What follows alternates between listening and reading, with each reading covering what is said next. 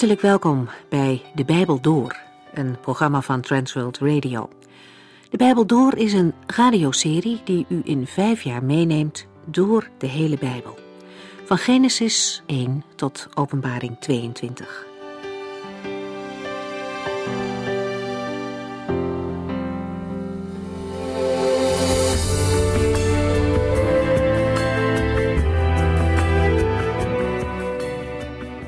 We hebben al een paar dagen nagedacht over een gedeelte uit Malachi 2.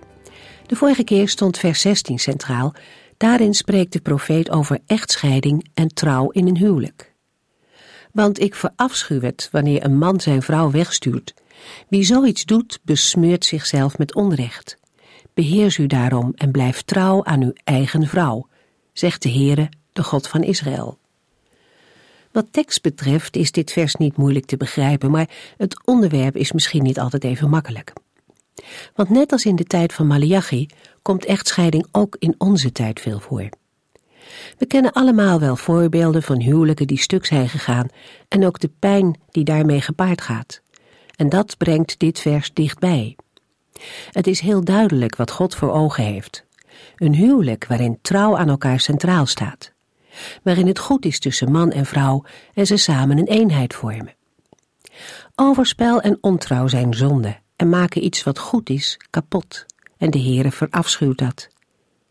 In andere vertalingen wordt er zelfs nog een sterker woord gebruikt. Daar zegt de Heere dat hij echtscheiding haat. Het gemak waarmee mensen in de tijd van Malachi uit elkaar gingen, omdat het hen maatschappelijk bijvoorbeeld beter uitkwam, is zonde. Tegelijkertijd beseffen we dat er veel meer over dit onderwerp te zeggen valt, ook vanuit het Nieuwe Testament, maar voor nu voert dat echt te ver. De vorige keer hebben we ook stilgestaan bij de sociale positie van de vrouw in het Oude Testament. Daar zijn ook verschillende dingen over te zeggen. Gedeeltelijk was de positie van de vrouw een ondergeschikte als gevolg van de zondeval. In maatschappelijk en godsdienstig opzicht nam ze een andere plaats in dan de man. Gelijktijdig ervoer ze de veiligheid binnen de familieverbanden, die mede bedoeld waren voor de beoefening van geloof en onderlinge liefde.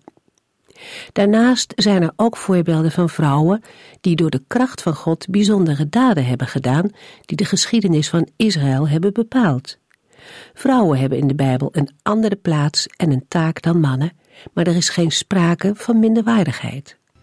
We lezen verder in het boek Maleachi.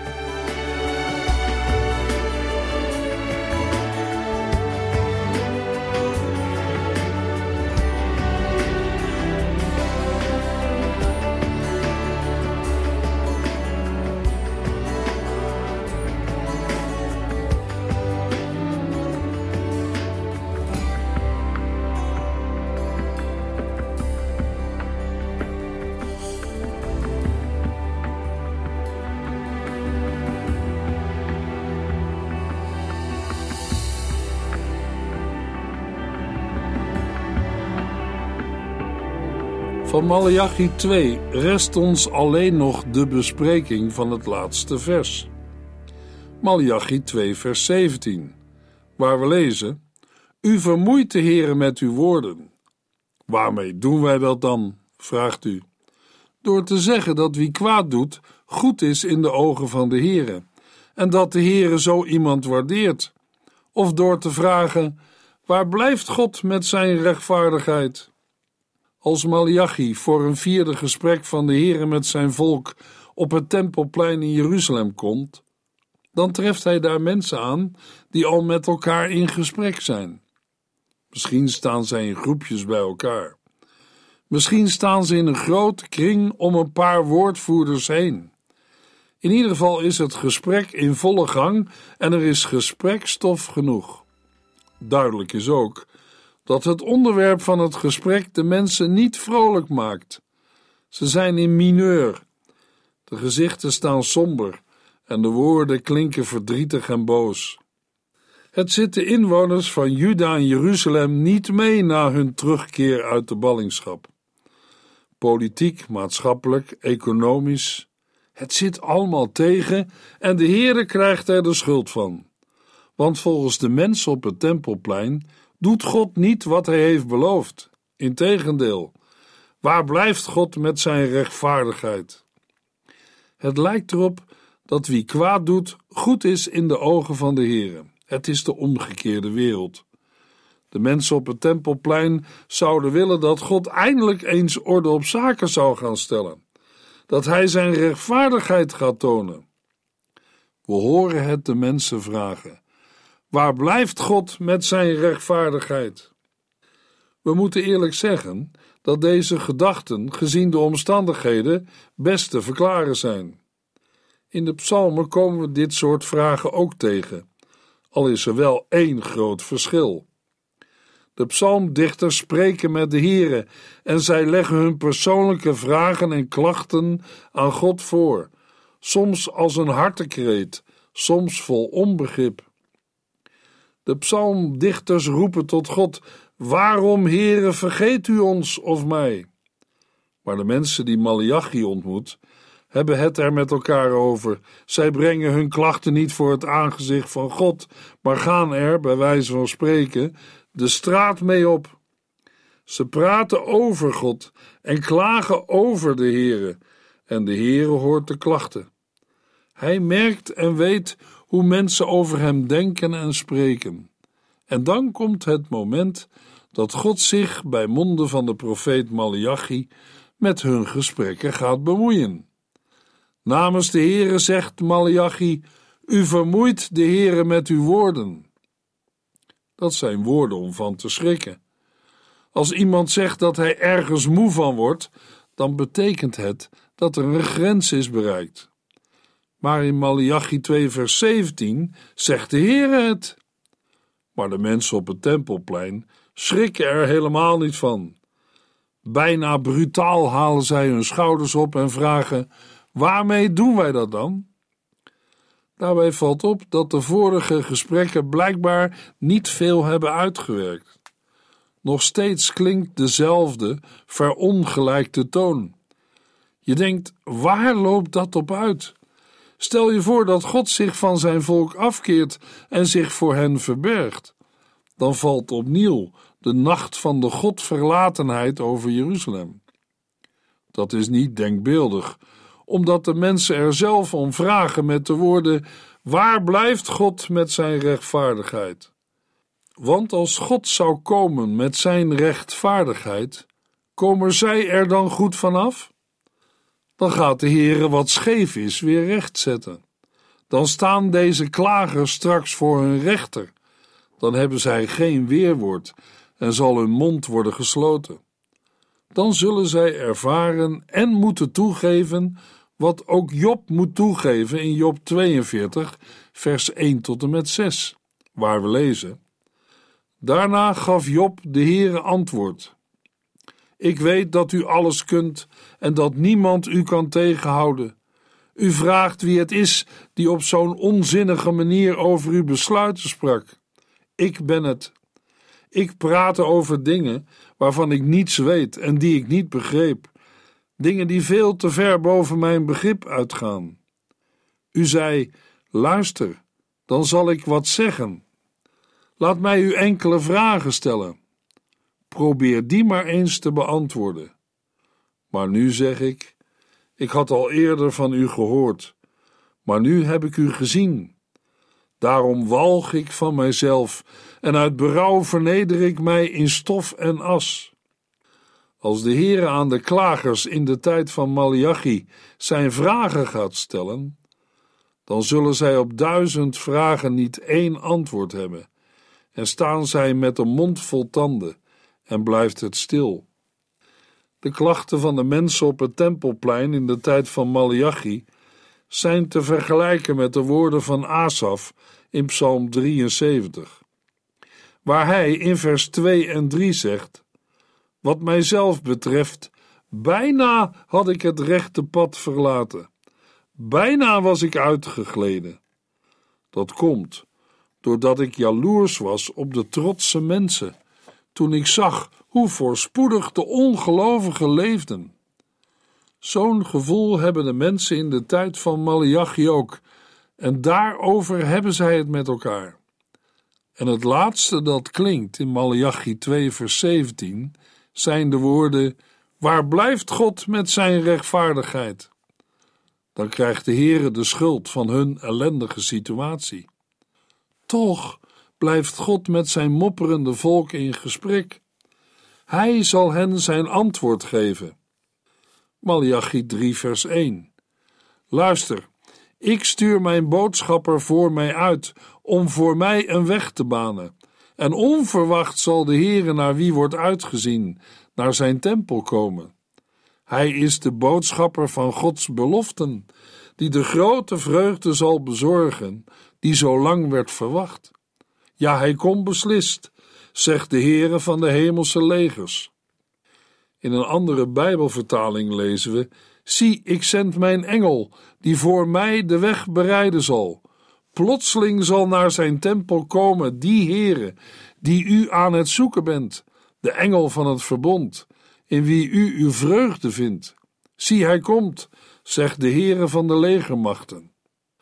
Het woordje zie of luister geeft aan dat wat nu komt naar alle kanten verrassend is. God verbergt zich niet. We lazen, en onverwacht zal de Heere naar wie wordt uitgezien, naar zijn tempel komen. Maar hij komt niet zomaar, ineens. Gelukkig niet. Want dan liep het niet best af met dit mopperende volk. De Heere zegt: Ik stuur mijn boodschapper voor mij uit, om voor mij een weg te banen. Als ergens de genade en liefde van God blijkt, dan wel uit deze woorden. De Israëlieten hebben al zo lang gemopperd en geklaagd. Ze hebben het oordeel van de ballingschap achter de rug. Ze hebben God al zo lang vermoeid met hun klachten en beschuldigingen. Toch zegt de Heere: Ik stuur mijn boodschapper voor mij uit om voor mij een weg te banen. God komt, maar nadat hij eerst zijn komst nog eens nadrukkelijk heeft aangekondigd en voorbereid. De mensen in de tijd van Malachi hebben de boodschap begrepen. Want zo ging het ook als er een koning of een andere hoogwaardigheidsbekleder op bezoek kwam. Dan stuurde hij een gezant vooruit met de boodschap: De koning komt, bereid de weg. Wij kennen het beeld uit de psalmen en uit Jesaja 40, vers 3 tot en met 5, waar we lezen: Luister, ik hoor de stem van iemand die roept: Baan een weg in de woestijn voor de Heere. Maak een rechte weg door de wildernis. Vul de dalen op en vlak de heuvels af. Maak de bochtige paden recht en zorg dat alle oneffenheden vlak worden gemaakt. Alle schepselen zullen de glorie van de Heere zien. De Heere heeft gesproken. Zo zal het gebeuren. We zien het voor ons. Als er een koning komt, moet er een vlakke weg zijn, zonder kuilen of hobbels, zonder stenen of gaten. Stel je voor dat een wiel van de troonwagen in een kuil schiet of tegen een obstakel oprijdt. Dat mag natuurlijk niet gebeuren, want de waardigheid van de koning zou erdoor worden aangetast. De wegbereider moet er dan ook nauwkeurig op toezien dat de weg goed en begaanbaar is. En het stadsbestuur had er ook belang bij dat alles in orde werd gemaakt voor de ontvangst van de hoge gast. Dat leverde vaak nog rijke geschenken op ook. De Heere zegt in Malachi 3 vers 1 Luister, ik stuur mijn boodschapper voor mij uit om voor mij een weg te banen. Of naar een andere Bijbelvertaling: Zie, ik zend mijn engel, die voor mij de weg bereiden zal. De Heere zendt zijn boodschapper of zijn engel als wegbereider. Wie is die boodschapper of engel? Het zou Malachi kunnen zijn. Zijn naam betekent, vertaald uit het Hebreeuws, mijn boodschapper of mijn engel. En Malachi is zo'n wegbereider die roept: Ja, hij komt beslist, bekeert u. Maar wij mogen ook denken aan Johannes de Doper. In Matthäus 11, vers 10 past de Heer Jezus zelf de woorden uit Malachi op Johannes de Doper toe. En wij weten uit het Nieuwe Testament hoe Johannes de weg van de Heer Jezus voorbereidde. Hij kondigde aan: Bekeer u, want het koninkrijk van de hemel is vlakbij.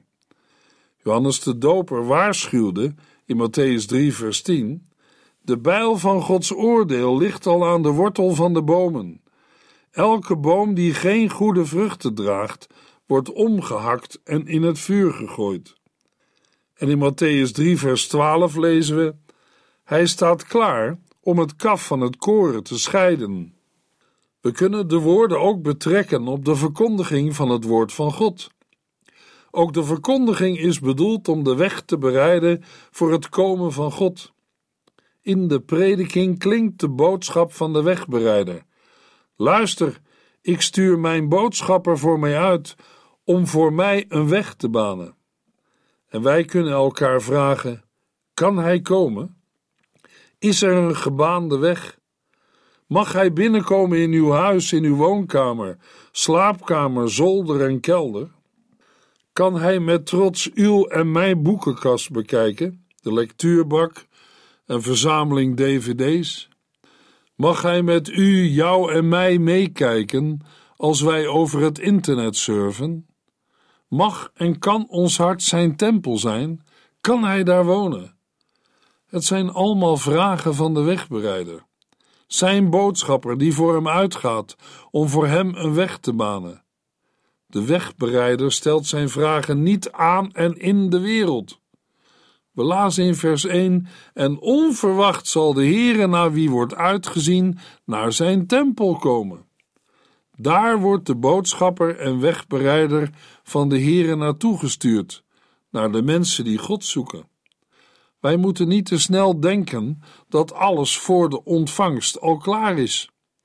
Denk aan de woorden van Petrus in 2 Petrus 3, vers 8 tot en met 10. Vrienden, u moet niet vergeten dat voor de Heere één dag als duizend jaar is en duizend jaar als één dag. Sommigen denken dat hij treuzelt, maar dat is niet zo. Hij wacht alleen met het vervullen van zijn belofte, omdat hij zoveel geduld heeft. Hij wil niet dat er iemand verloren gaat, maar dat alle mensen tot bekering komen. De grote dag van de Heere komt net zo onverwacht als een dief. Dan zal de hemel met een vreselijk lawaai vergaan, de elementen zullen door vuur worden verteerd, de aarde zal bloot komen te liggen en alles wat erop gebeurd is, zal aan het licht komen. Het is bij deze woorden ook goed om te bedenken: wie komt er na de boodschapper en wegbereider? In het licht van Matthäus 11, vers 10 is het antwoord op die vraag duidelijk. Het is de Heere naar wie wordt uitgezien. Hij zal naar zijn tempel komen. Hij is de boodschapper van Gods belofte, die de grote vreugde zal bezorgen, die zo lang werd verwacht. Dat kan niemand anders zijn dan de komende Jezus Christus. Er is immers sprake van de Heere naar wie wordt uitgezien. En deze Heere is te onderscheiden van de Heere van de hemelse legers. Hij is de door God beloofde Messias die gekomen is en weer komen zal. De tekst is een duidelijke profetie van de wederkomst van de Heer Jezus Christus. Van zijn komst krijgen we in vers 2 wel een merkwaardig beeld. Malachi 3 vers 2 Maar wie kan in leven blijven wanneer hij verschijnt? Wie kan zijn komst verdragen? Want hij is als vuur dat metaal zuivert, als loog van een wolwasser. Wanneer wij deze woorden lezen en op ons laten inwerken, en tegelijk bedenken dat Johannes de Doper deze woorden ook heeft gelezen, dan begrijpen wij zijn worsteling, die hem tot de vraag bracht die zijn leerlingen aan de Heer Jezus stelden. Lucas 7, vers 19. Bent u het op wie we hebben gewacht, of moeten we uitkijken naar iemand anders? Johannes de Doper had in Matthäus 3, vers 10 gewaarschuwd voor de bijl van Gods oordeel, die al aan de wortel van de bomen ligt. En in Matthäus 3, vers 12 lezen we: Hij staat klaar om het kaf van het koren te scheiden. Maar wat zag hij? Wat de mensen in de dagen van Malachi ook dachten te zien. Wie kwaad doet, gaat het voor de wind. En wie de Heere vrezen, hebben het zwaar. Vooral in de gevangenis zat Johannes met die vraag: Bent u het op wie wij hebben gewacht, of moeten wij uitkijken naar iemand anders? Het antwoord dat de Heer Jezus aan de leerlingen van Johannes geeft, is bijzonder, maar ook heel liefdevol. Terwijl wij, als we het antwoord van de heiland lezen, ons afvragen of Jezus de vraag van Johannes de Doper wel echt heeft beantwoord. Want als de twee leerlingen van Johannes de Doper bij Jezus komen, vertelt Lucas wat Jezus aan het doen is. Lucas 7, vers 18 tot en met 30. De leerlingen van Johannes de Doper hoorden wat Jezus allemaal deed en vertelden het aan Johannes. Die stuurde twee van hen naar Jezus toe met de vraag: Bent u het op wie we hebben gewacht? Of moeten wij uitkijken naar iemand anders? Toen de twee mannen Jezus vonden, brachten ze hem de vraag van Johannes over. Jezus was juist bezig vele mensen te genezen van allerlei ziekten en kwalen. Uit verschillende mensen verjoeg hij boze geesten, en hij genas de ogen van vele blinden. Ga terug naar Johannes, antwoordde hij, en vertel hem wat u hier hebt gezien en gehoord. Blinden kunnen weer zien, lammen lopen zonder hulp, melaatsten zijn genezen, doven kunnen horen, doden zijn weer levend geworden en arme mensen horen het goede nieuws. Zeg Johannes vooral dit: U bent gelukkig als u mij aanvaardt zoals ik ben. De mannen gingen naar Johannes terug. Jezus sprak met de mensen over Johannes. Naar wat voor man zijn jullie gaan kijken daar in de woestijn? Was hij een rietstengel die door de wind heen en weer wordt bewogen? Had hij dure kleren aan? Nee. Mensen met dure kleren en een luxe leven moet u in het paleis zoeken, niet in de woestijn. Hebt u dan een profeet gezien? Ja, zelfs meer dan een profeet. Over hem werd geschreven: Ik stuur mijn boodschapper voor u uit, om voor u een weg te banen. Onthoud dit: van alle mensen die ooit geboren zijn, is niemand groter dan Johannes. Allen die Johannes hoorden, zelfs de tolontvangers, hebben erkend dat Gods eisen juist waren en lieten zich dopen, behalve de Fariseeën en de Bijbelgeleerden. Die keurden het plan van God af en wilden zich niet door Johannes laten dopen. Jezus liet de leerlingen van Johannes met opzet wachten. Zij zagen met hun eigen ogen dat Jezus veel wonderen verrichtte. Nu konden ze terug naar Johannes de Doper en hem vertellen dat ze de vervulling van de profetie over de Messias met hun eigen ogen hadden gezien. Het antwoord van Jezus aan Johannes de Doper was: Ja, ik ben het. Toets het maar aan de profetieën over de Messias. In de tijd van Johannes de Doper was de Heer Jezus gekomen. Maar de spotters kunnen blijven vragen: Waar is God?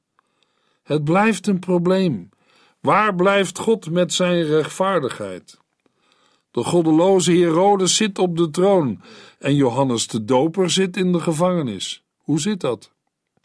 Wij hebben al eerder gezien dat de oud-testamentische profetieën lijken op een schilderij van een berglandschap.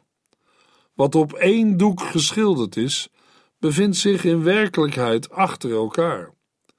Een goede schilder kan dat laten zien, dan zit er diepte in zijn schilderij. Zo is het ook met de oud-testamentische profetieën.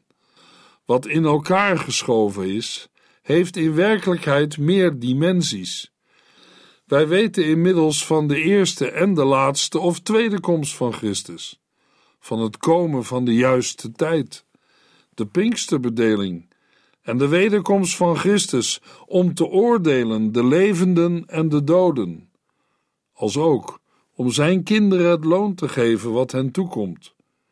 Maar die gebeurtenis moet nog plaatsvinden.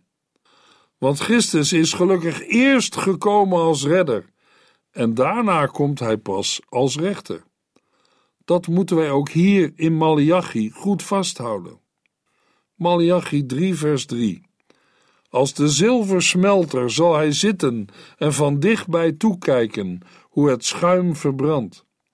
Hij zal de levieten reinigen en hen zuiveren als goud en zilver, zodat ze hun werk voor de Heere zullen doen met een rein hart. De Heere voert zijn reinigende en zuiverende werk in alle rust uit. Het is geen haastwerk, waarbij vergissingen worden gemaakt en dingen blijven zitten. Zo werkt de Heer Jezus vandaag door zijn woord en de Heilige Geest.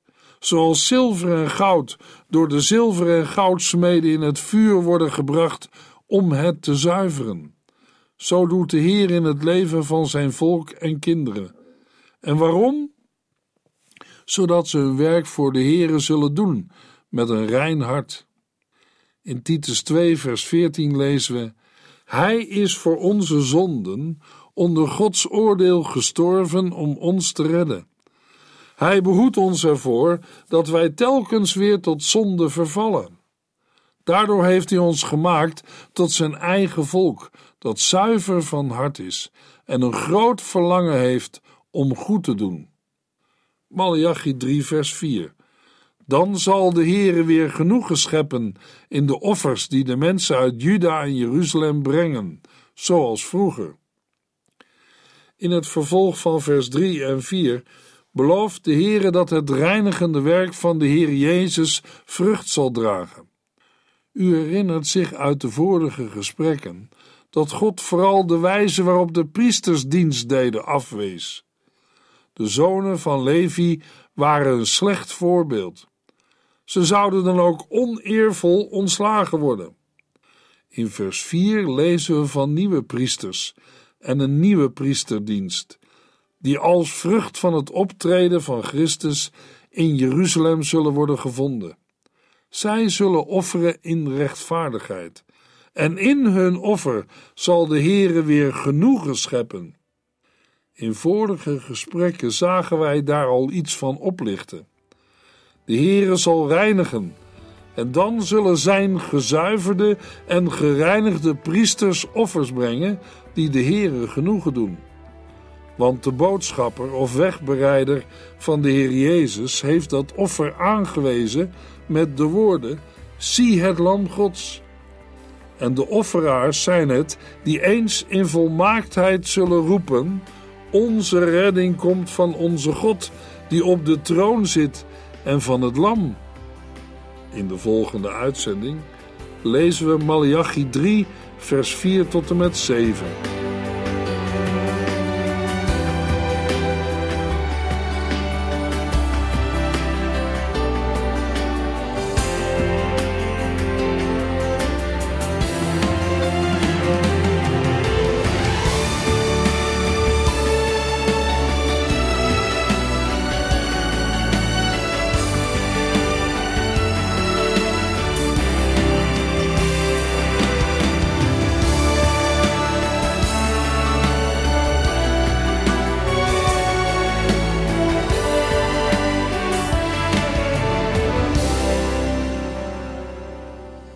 Geluisterd naar De Bijbel Door.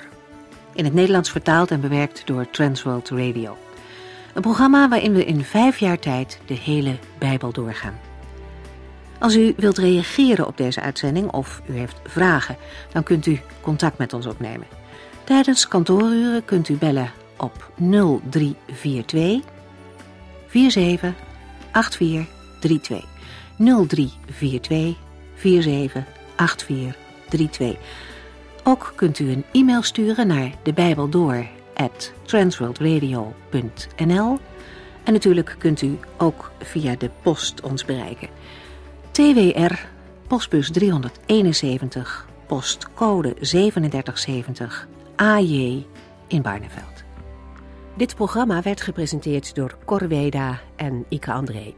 Techniek was in handen van Odin van Woerdenkom. En namens ons allemaal bedanken we u van harte voor het luisteren.